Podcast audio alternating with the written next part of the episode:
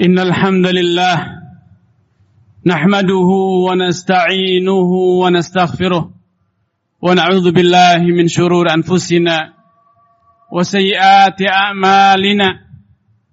من يهده الله فلا مضل له ومن يضلل فلا هادي له. أشهد أن لا إله إلا الله وحده لا شريك له وأشهد أن محمدا عبده ورسوله أما بعد. عباد الله أوصيكم ونفسي بتقوى الله فقد فاز المتقون. يقول الله عز وجل تبارك الذي بيده الملك وهو على كل شيء قدير الذي خلق الموت والحياة ليبلوكم أيكم أحسن عملا. عباد الله itulah kehidupan dan kematian. Allah Subhanahu wa taala menciptakan kehidupan dan juga menciptakan kematian. Bukan sia-sia. Ada hikmah besar. Ada tujuan besar yang yang Allah hendak tunjukkan kepada kita semua.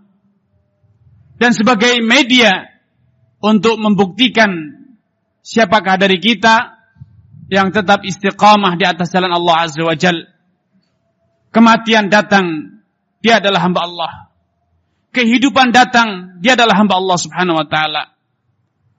Kemudahan ataupun kesusahan, kesempitan ataupun kelapangan, dia adalah hamba Allah. Namun ada sebagian manusia, ada sebagian hamba Allah yang jiwanya lemah, imannya luntur, tatkala kesenangan datang, kekayaan menghampiri, kelapangan dia miliki, kemuliaan, jabatan ataupun kekuasaan, dia lupa daratan. Allah Subhanahu wa taala telah menceritakan banyak kejadian, banyak figur kufur membangkang durhaka kepada Allah bukan karena miskin, bukan karena sakit, bukan karena susah, bukan karena hina dina kehidupannya di dunia. Yang terjadi, mereka kufur, mereka membangkang, adalah karena kesombongan, keangkuhan, karena kejayaan, kekayaan, kemuliaan dan kekuasaan. Fir'aun misalnya, Namrud contohnya, Qarun, dan yang lain sebagainya. Mereka telah malang melintang menunjukkan diri bahwa mereka berkuasa, merasa bahwa mereka berjaya, mereka memiliki, tetapi apa yang terjadi? Allah binasakan mereka. Allah timpakan murkanya kepada mereka. Allah hancurkan kekayaan mereka. Allah akhiri kehidupan mereka. Dan selesai hadis itu? Tidak. Di hari kiamat adkhilu ala fir'aun. Allah Subhanahu wa taala akan berkata kepada malaikat penjaga neraka, adkhilu ala fir'aun. Masukkanlah Fir'aun beserta bala tentaranya, beserta pasukannya kepada asyaddal azab, kepada siksa yang sangat pedih ataupun yang paling pedih. Tetapi sebaliknya, betapa banyak hamba-hamba Allah yang di dunia terhina, tersiksa, terhimpit, menderita susah, miskin, dan ditimpa kekalahan. Tetapi karena keteguhan iman, ketakwaan yang tidak luntur dengan segala tantangan, Allah akan mengangkat derajat mereka. Allah akan muliakan mereka di sisi Allah di dunia hingga di akhirat. Ya, bisa jadi mereka miskin hingga akhir hayatnya. Bisa jadi mereka terbunuh, kalah dalam peperangannya, ya.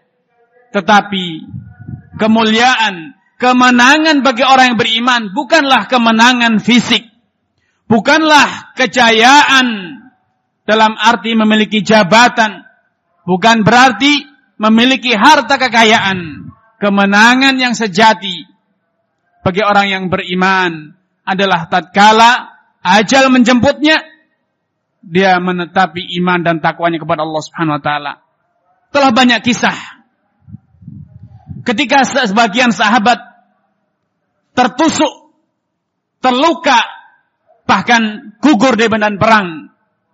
Di akhir ayat dia mengatakan, Fustu wa Ka'bah. Ketika dia harus mengakhiri hidupnya di dunia, karena terbunuh dalam medan perang. Apa yang dia katakan? Fustu wa Ka'bah. Sungguh, kematian ini adalah kejayaanku. Ini adalah kemenanganku. Dan Allah subhanahu wa ta'ala juga telah ceritakan dalam Al-Quran. Bagaimana orang-orang yang gugur dalam medan perang baik gugur karena mendapatkan kemenangan ataupun gugur karena kekalahan dalam peperangan. Mereka justru berangan-angan, berandai-andai memohon kepada Allah agar bisa kembali hidup untuk berperang kembali dan kemudian terbunuh kembali. Kenapa? Karena setelah mereka terbunuh, gugur dalam peperangan, mereka betul-betul membuktikan janji Allah Allah tiada mengingkari janjinya bahwa ketika ajal menjemputnya, pintu-pintu surga telah dibuka untuknya. Malaikat dari surga membawakan kafan dari surga yang memancarkan, menebarkan aroma yang sangat harum semerbak. Dan Allah subhanahu wa ta'ala memukakan untuknya pintu langit. Menyambut kehadirannya kembalinya ke hadapan Allah subhanahu wa ta'ala. Adapun orang-orang yang semasa di dunia malang melintang dengan kejayaan namun ia terus bergelimang dalam kekufuran. Ia bergelimang dalam kemaksiatan. Apa yang akan terjadi? Ketika kematian menjemputnya, maka malaikat akan membawakan kepadanya kafan dari neraka. Yang memancarkan menebarkan aroma yang busuk. Dan hardikan malaikat penjemput nyawa malakul maut. Menggelegar menakutkan. Dan pemandangan di alam kubur yang begitu dahsyat. Siksa alam kubur akan menjadi awal dari perjalanan panjangnya di akhirat.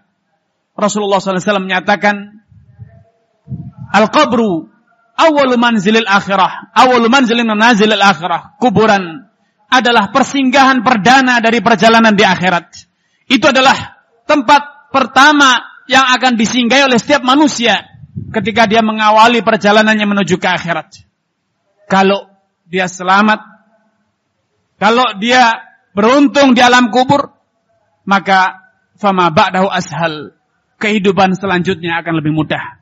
Tetapi kalau dia gagal, kalau dia sengsara, kalau dia disiksa di alam kubur, apa yang terjadi? Fama ba'dahu asyad kata Rasulullah SAW kehidupan fase selanjutnya akan lebih dahsyat. Karena itu ibadah Allah. Dunia tidak sepatutnya menjadikan kita terlena. Kesenangan dunia tidak layak untuk menjadikan kita lupa bahwa kita di dunia sesaat dan sementara. Di dunia kita bukan selama-lamanya. Di dunia adalah tempat untuk mengumpulkan bekal, bukan untuk bersenang-senang. Wa mal dunya illa mata'al ghurur. Tidaklah kehidupan dunia ini bagi orang yang beriman kecuali hanya kesenangan yang menjadikan sebagian orang terlena ataupun terperdaya. Allah Subhanahu wa taala juga menggambarkan bahwa kehidupan dunia laibun walahun itu permainan. Itu adalah senda gurau yang sesaat lagi akan berlalu, tidak akan selama-lamanya. Bagi orang yang beriman, dunia beserta isinya hina dina, remeh-temeh selama imannya utuh.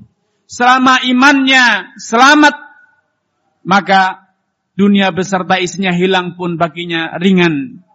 Karena dunia beserta isinya bagi orang yang beriman, mata dilujana habaudah.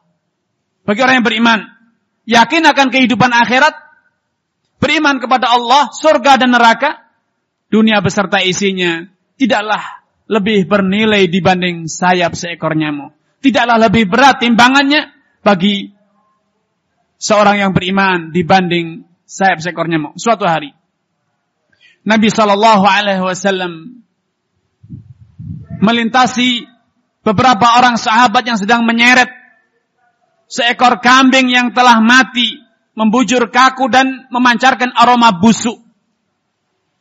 Kemudian Nabi bertanya kepada mereka, siapakah dari kalian yang sudi membeli bangkai kambing ini? Dengan satu dirham saja. Maka para sahabat mengatakan, Ya Rasulullah, anda diberi gratis saja tidak mau.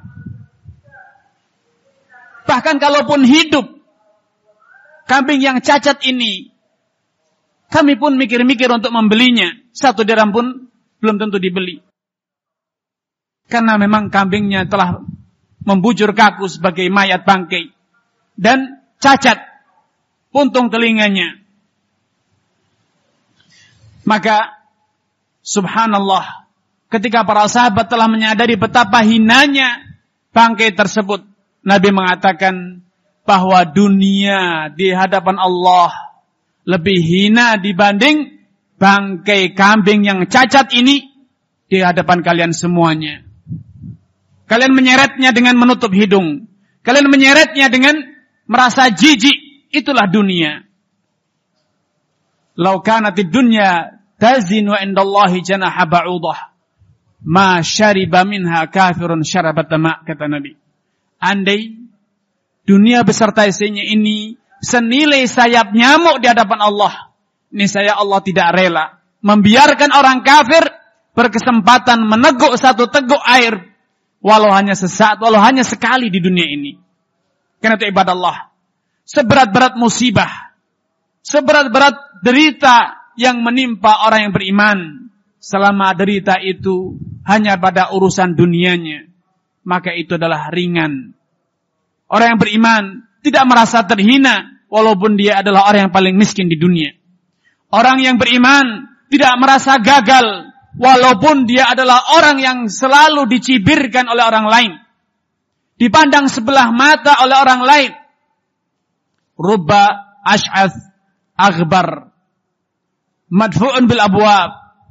Bisa jadi. Ada orang yang penampilannya kusut. Kotor, kumuh. Madfu'un bil abwab. Selalu diusir kalau bertamu. Tidak dinantikan kehadirannya, dipandang sebelah mata oleh semua orang. Lahu aksama Allah la abarrahu. Namun karena kesucian batinnya, keteguhan imannya, ketakwaannya menjadikan dia mulia di hadapan Allah. Andai dia bersumpah meminta sesuatu kepada Allah, pasti Allah akan kabulkan sumpahnya. Pasti Allah akan penuhi permintaannya. Kenapa demikian? Kenapa dia tidak meminta? Kalau ternyata Apa pun yang dia minta akan Allah berikan. Ya, dia tidak meminta karena memang dia tidak butuh. Dia tidak meminta karena dia merasa dunia adalah hina dina. Tidak layak untuk dipinta kepada Allah subhanahu wa ta'ala. Dia hanya meminta satu. Keridhaan Allah subhanahu wa ta'ala. Di hatinya tidak ada selain nama Allah. Tidak ada selain kecintaan kepada Allah. Di hatinya tidak ada harapan selain mardatillah. Itulah orang yang beriman. Karena itu ibadah Allah. Di saat kita menjalani masa-masa yang sulit semacam ini. Wabah tidak jelas kapan akan berakhir. Ekonomi terus suram. Sosial politik tidak jelas akan ke mana berakhirnya. Dan perilakuan semena-mena. Perlakuan angkara murka orang-orang yang merasa berkuasa, orang-orang yang merasa memiliki kejayaan, orang-orang yang memiliki ke kekayaan, orang-orang yang merasa memiliki kekuatan. Tidak sepatutnya menjadikan orang yang beriman ciut nyali. Tidak sepatutnya menjadikan orang yang beriman merasa gentar atau terhina. Karena apa? Karena semua itu adalah remeh-temeh. Allah Subhanahu wa taala Maha Kuasa. Allah Subhanahu wa taala memiliki. Allah Subhanahu wa taala Maha Kaya. Kalau sempat terbetik dalam diri Anda bahwa mereka kaya, mereka memiliki, mereka berkuasa, maka simak firman Allah Subhanahu wa taala, "La tamuddanna ainaik ila ma matta'na bihi azwajan minhum zahratal hayatid dunya." Janganlah sekali-kali engkau memusatkan pandanganmu kepada kekayaan, jabatan, perhiasan yang Allah berikan kepada mereka Itu semuanya adalah zahratul hayati dunya linaftinahum fi. Itu adalah perhiasan kehidupan dunia sesaat. Itu Allah uji mereka. Allah timpakan, Allah berikan kepada mereka sebagai bentuk godaan. Waris rabbika khairun wa abqa. Sejatinya rizq. Karunia Allah. Berupa surganya. Berupa cintanya. Berupa kasih sayangnya. Berupa hidayah yang telah Allah limpahkan kepada kita. Itu lebih baik bagi orang yang beriman. Kalau orang yang beriman menyadari kalau kita menyadari bahwa karunia yang paling mulia, yang paling berharga, cinta kasih Allah diwujudkan dengan iman, dengan hidayah, ini saya tidak pernah terbetik dalam diri kita iri, dengki, hasad, atau merasa ciut nyali ketika melihat kekayaan, jabatan, dan segala yang dimiliki oleh orang yang kufur dan angkuh kepada Allah Subhanahu wa taala. Karena sejatinya perhiasan dan karunia yang paling mulia, nikmat yang paling agung yang Allah karuniakan kepada hambanya adalah al-iman. Yu'tid dunya man ahabba wa man la yuhib. Sejatinya Allah mengaruniakan dunia kepada siapa saja yang Allah kehendaki. Yang Allah cintai ataupun Allah benci. Wala yu'til imana illa man ahab. Dan tidaklah Allah berkenan membukakan pintu hati orang, orang untuk beriman. Allah tidaklah berkenan memberikan hidayah untuk beriman kecuali kepada orang-orang yang telah Allah cintai. Karena itu ibadah Allah. Berbanggalah, bergembiralah ketika Anda menyadari bahwa Anda telah beriman. Anda telah diringankan untuk selalu bersimpuh di hadapan Allah walau segala kekurangan ada, walau segala kegagalan dunia telah melanda, Walau segala kerendahan di dunia telah dirasakan. Tetapi selama kita masih bersimpuh di hadapan Allah. Selama Allah subhanahu wa ta'ala masih membukakan pintu hati untuk tunduk dan patuh. Jiwa kita bergetar ketika mendengarkan Allahu Akbar. Telinga kita menjadi peka ketika mendengarkan lantunan hayya ala salah. Hati kita merasa terketuk ketika mendengarkan lantunan-lantunan ayat Al-Quran, maka itu adalah karunia yang besar. Percayalah, Allah cinta kepada Anda. Tetapi, walau Anda telah mendapatkan dunia beserta isinya, kalau Allah subhanahu wa ta'ala menjadikan hati Anda kaku, terbelenggu, tertutup dari pintu hidayah, maka apalah artinya dunia? Kelak, pada saatnya, orang-orang yang kufur kepada Allah, akan berandai-andai mengharap jikalau dia memiliki dunia beserta isinya untuk bisa menebus siksa yang Allah akan timpakan kepadanya. Bahkan bukan hanya dunia beserta isinya, semua orang termasuk anak dan istrinya, keluarganya, kalau bisa dia gunakan untuk menebus agar dia selamat dari siksa Allah, niscaya dia akan lakukan. Tapi mana mungkin itu bisa dia lakukan? Dunia tidak lagi menjadi miliknya. Dunia tidak lagi ada dalam genggamannya. Bahkan keluarga yang selama ini dia cintai justru akan menghujatnya, menuntut keadilan dari hadapan Allah atas tindak lakunya yang semena-mena semasa di dunia. Karena itu ibadah Allah. Marilah kita lihat, marilah kita buka mata kita bahwa Allah menciptakan kita bukan untuk dunia, tetapi sebaliknya dunia diciptakan untuk kita Lalu kita untuk apa diciptakan? Ma khalaqtul jinna wal insa illa liya'budun. Tidaklah aku ciptakan jin dan manusia kecuali untuk beribadah kepadaku kata Allah Subhanahu wa taala. Karena itu ibadah Allah. Jangan galau, jangan risau, jangan bimbang, jangan khawatir, jangan gentar dengan segala urusan dunia. Tetapi risau dan galaulah dengan iman Anda yang luntur, Iman Anda yang terkoyak dengan maksiat. Iman Anda yang ternodai oleh kemunafikan ataupun kefasikan. Karena itu selalulah memohon kepada Allah. Selalulah mohon kepada Allah agar Allah selalu mengupgrade, memperbaharui dan menguatkan keimanan yang ada dalam diri kita. Allahumma ya muqallibal qulub, tsabbit qalbi ala dinik. Allahumma ya musarrifal qulub, safrif qulubana ila ta'atik. Allahumma jadidil imana fi qulubina Demikianlah seharusnya yang kita lakukan. Itulah yang harusnya kita pinta kepada Allah. Bukan harta jabatan ataupun kekuasaan. Atau nama baik di dunia. Karena apalah arti nama baik di dunia. Kalau ternyata nama kita buruk di hadapan Allah Subhanahu wa taala. Ibadallah. Aku lu tasma'un.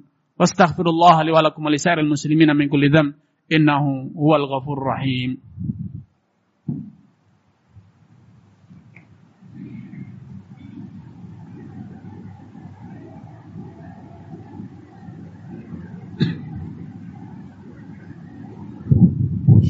Innalhamdulillah نحمده ونستعينه ونستغفره ونعوذ بالله من شرور أنفسنا وسيئات أعمالنا من يهده الله فلا مضل له ومن يضلل فلا هادي له أشهد أن لا إله إلا الله وحده لا شريك له وأشهد أن محمدا عبده ورسوله أما بعد عباد الله saat ini dunia dunia seluruh penghuni dunia sedang dihantui oleh wabah corona Padahal kalau dipikir dengan baik, apa yang akan terjadi kalaupun kita terpapar dengan wabah corona? Kematian setelah mati, masihkah menderita dengan corona? Tidak. Seberat-berat petaka dunia akan berakhir dengan kematian. Kalau kematian telah menjemput, masihkah menderita dengan derita dunia? Tidak. Tidak. Tetapi faktanya kita begitu takut. Ketika kita begitu gentar dengan dunia, mengapa? Khawatir. Takut kehilangan dunia. Takut dunia akan kita tinggalkan. Harta akan diambil orang. Istri dinikahi orang. Apa yang ditakutkan dari kematian? Andai yang ditakutkan dari kematian adalah harta kekayaan. Andai yang ditakutkan dari kematian adalah karena akan berpisah dengan handai tolan. Maka percayalah, cepat atau lambat, semuanya itu akan menjadi milik orang. Semua itu akan meninggalkan atau kita tinggalkan. Tidak bisa dihindari. Kullu nafsin dha'iqatul maut. Setiap manusia pasti akan diambil oleh kematian. Sehingga tidak sepatutnya seorang mukmin takut akan kematian.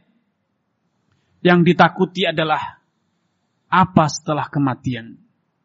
Ke mana kita akan dibawa setelah kematian?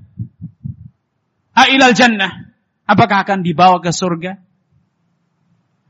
Ataukah dibawa ke neraka? Itulah yang seharusnya kita takutkan. Sehingga kalau hari ini kita takut dengan corona, takut karena kematian, maka seharusnya yang dilakukan bukan sekedar mengenakan masker, bukan sekedar social distancing, bukan sekedar sekedar menjaga jarak, menghindari perkumpulan atau kerumunan. Tetapi kalau kita tahu bahwa ajal begitu dekat dengan kita, sudahkah kita beristighfar dari dosa dan taubat uh, maksiat kita? Sudahkah ada sedekah yang kita persiapkan menjadi bekal kita mengarungi perjalanan setelah kematian?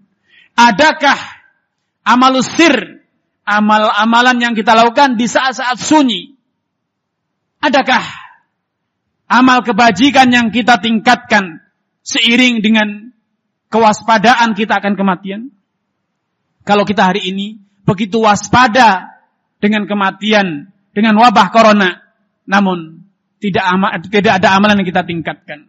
Tidak ada sedekah yang kita persiapkan. Tidak ada dosa yang kita upayakan untuk kita hapus dan ditinggalkan.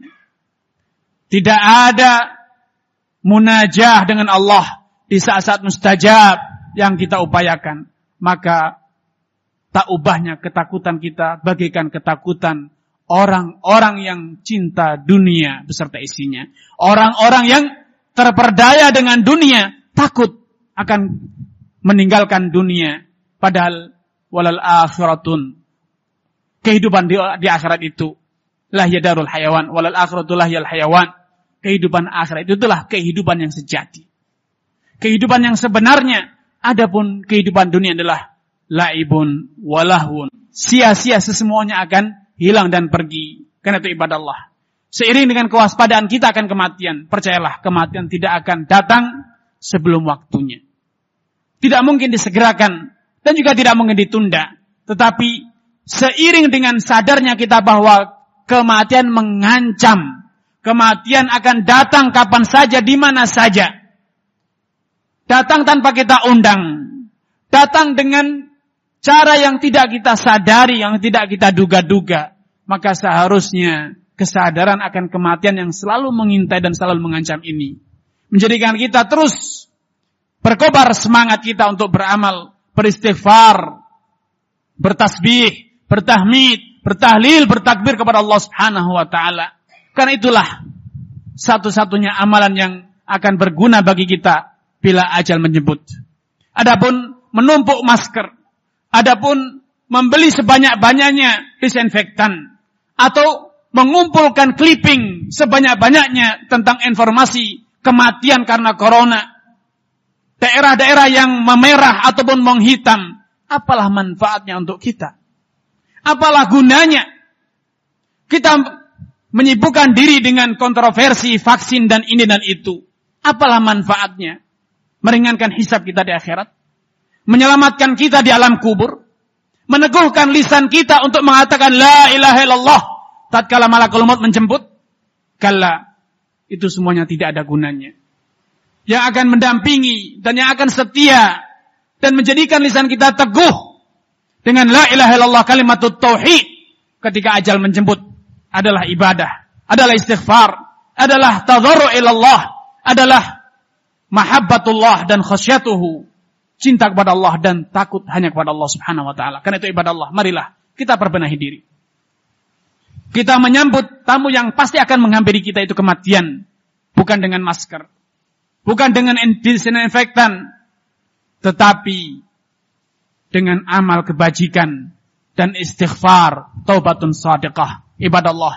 Inna Allah malaikatahu yusalluna ala nabi. Ya ayuhalladzina amanu sallu alaihi wasallimu taslima. Allahumma salli wa sallim wa barik wa an'im ala abdika wa rasulika nabiyina Muhammadin wa ala alihi wa ashabihi wa alaina wa ala ibadika salihin ajma'in ya ibadah اللهم رب اللهم اغفر للمسلمين والمسلمات والمؤمنين والمؤمنات الأحياء منهم والأموات إنك سميع قريب مجيب الدعوات ربنا ظلمنا أنفسنا وإن لم تغفر لنا وترحمنا لنكونن من الخاسرين اللهم يا مقلب القلوب Thabbit qulubana ala ta'atik. Allahumma ya muqallibal qulub, thabbit qulubana ala ta'atik. Allahumma ya musarrifal sarf qulubana ila ta'atik. Allahumma ya ya hayyu ya qayyum, bi rahmatika nastaghith. Allahumma aslih lana syu'unana kullaha wa la takilna ila anfusina tarfatan 'ain wa la min dhalik. Ibadallah, Aqimussalah.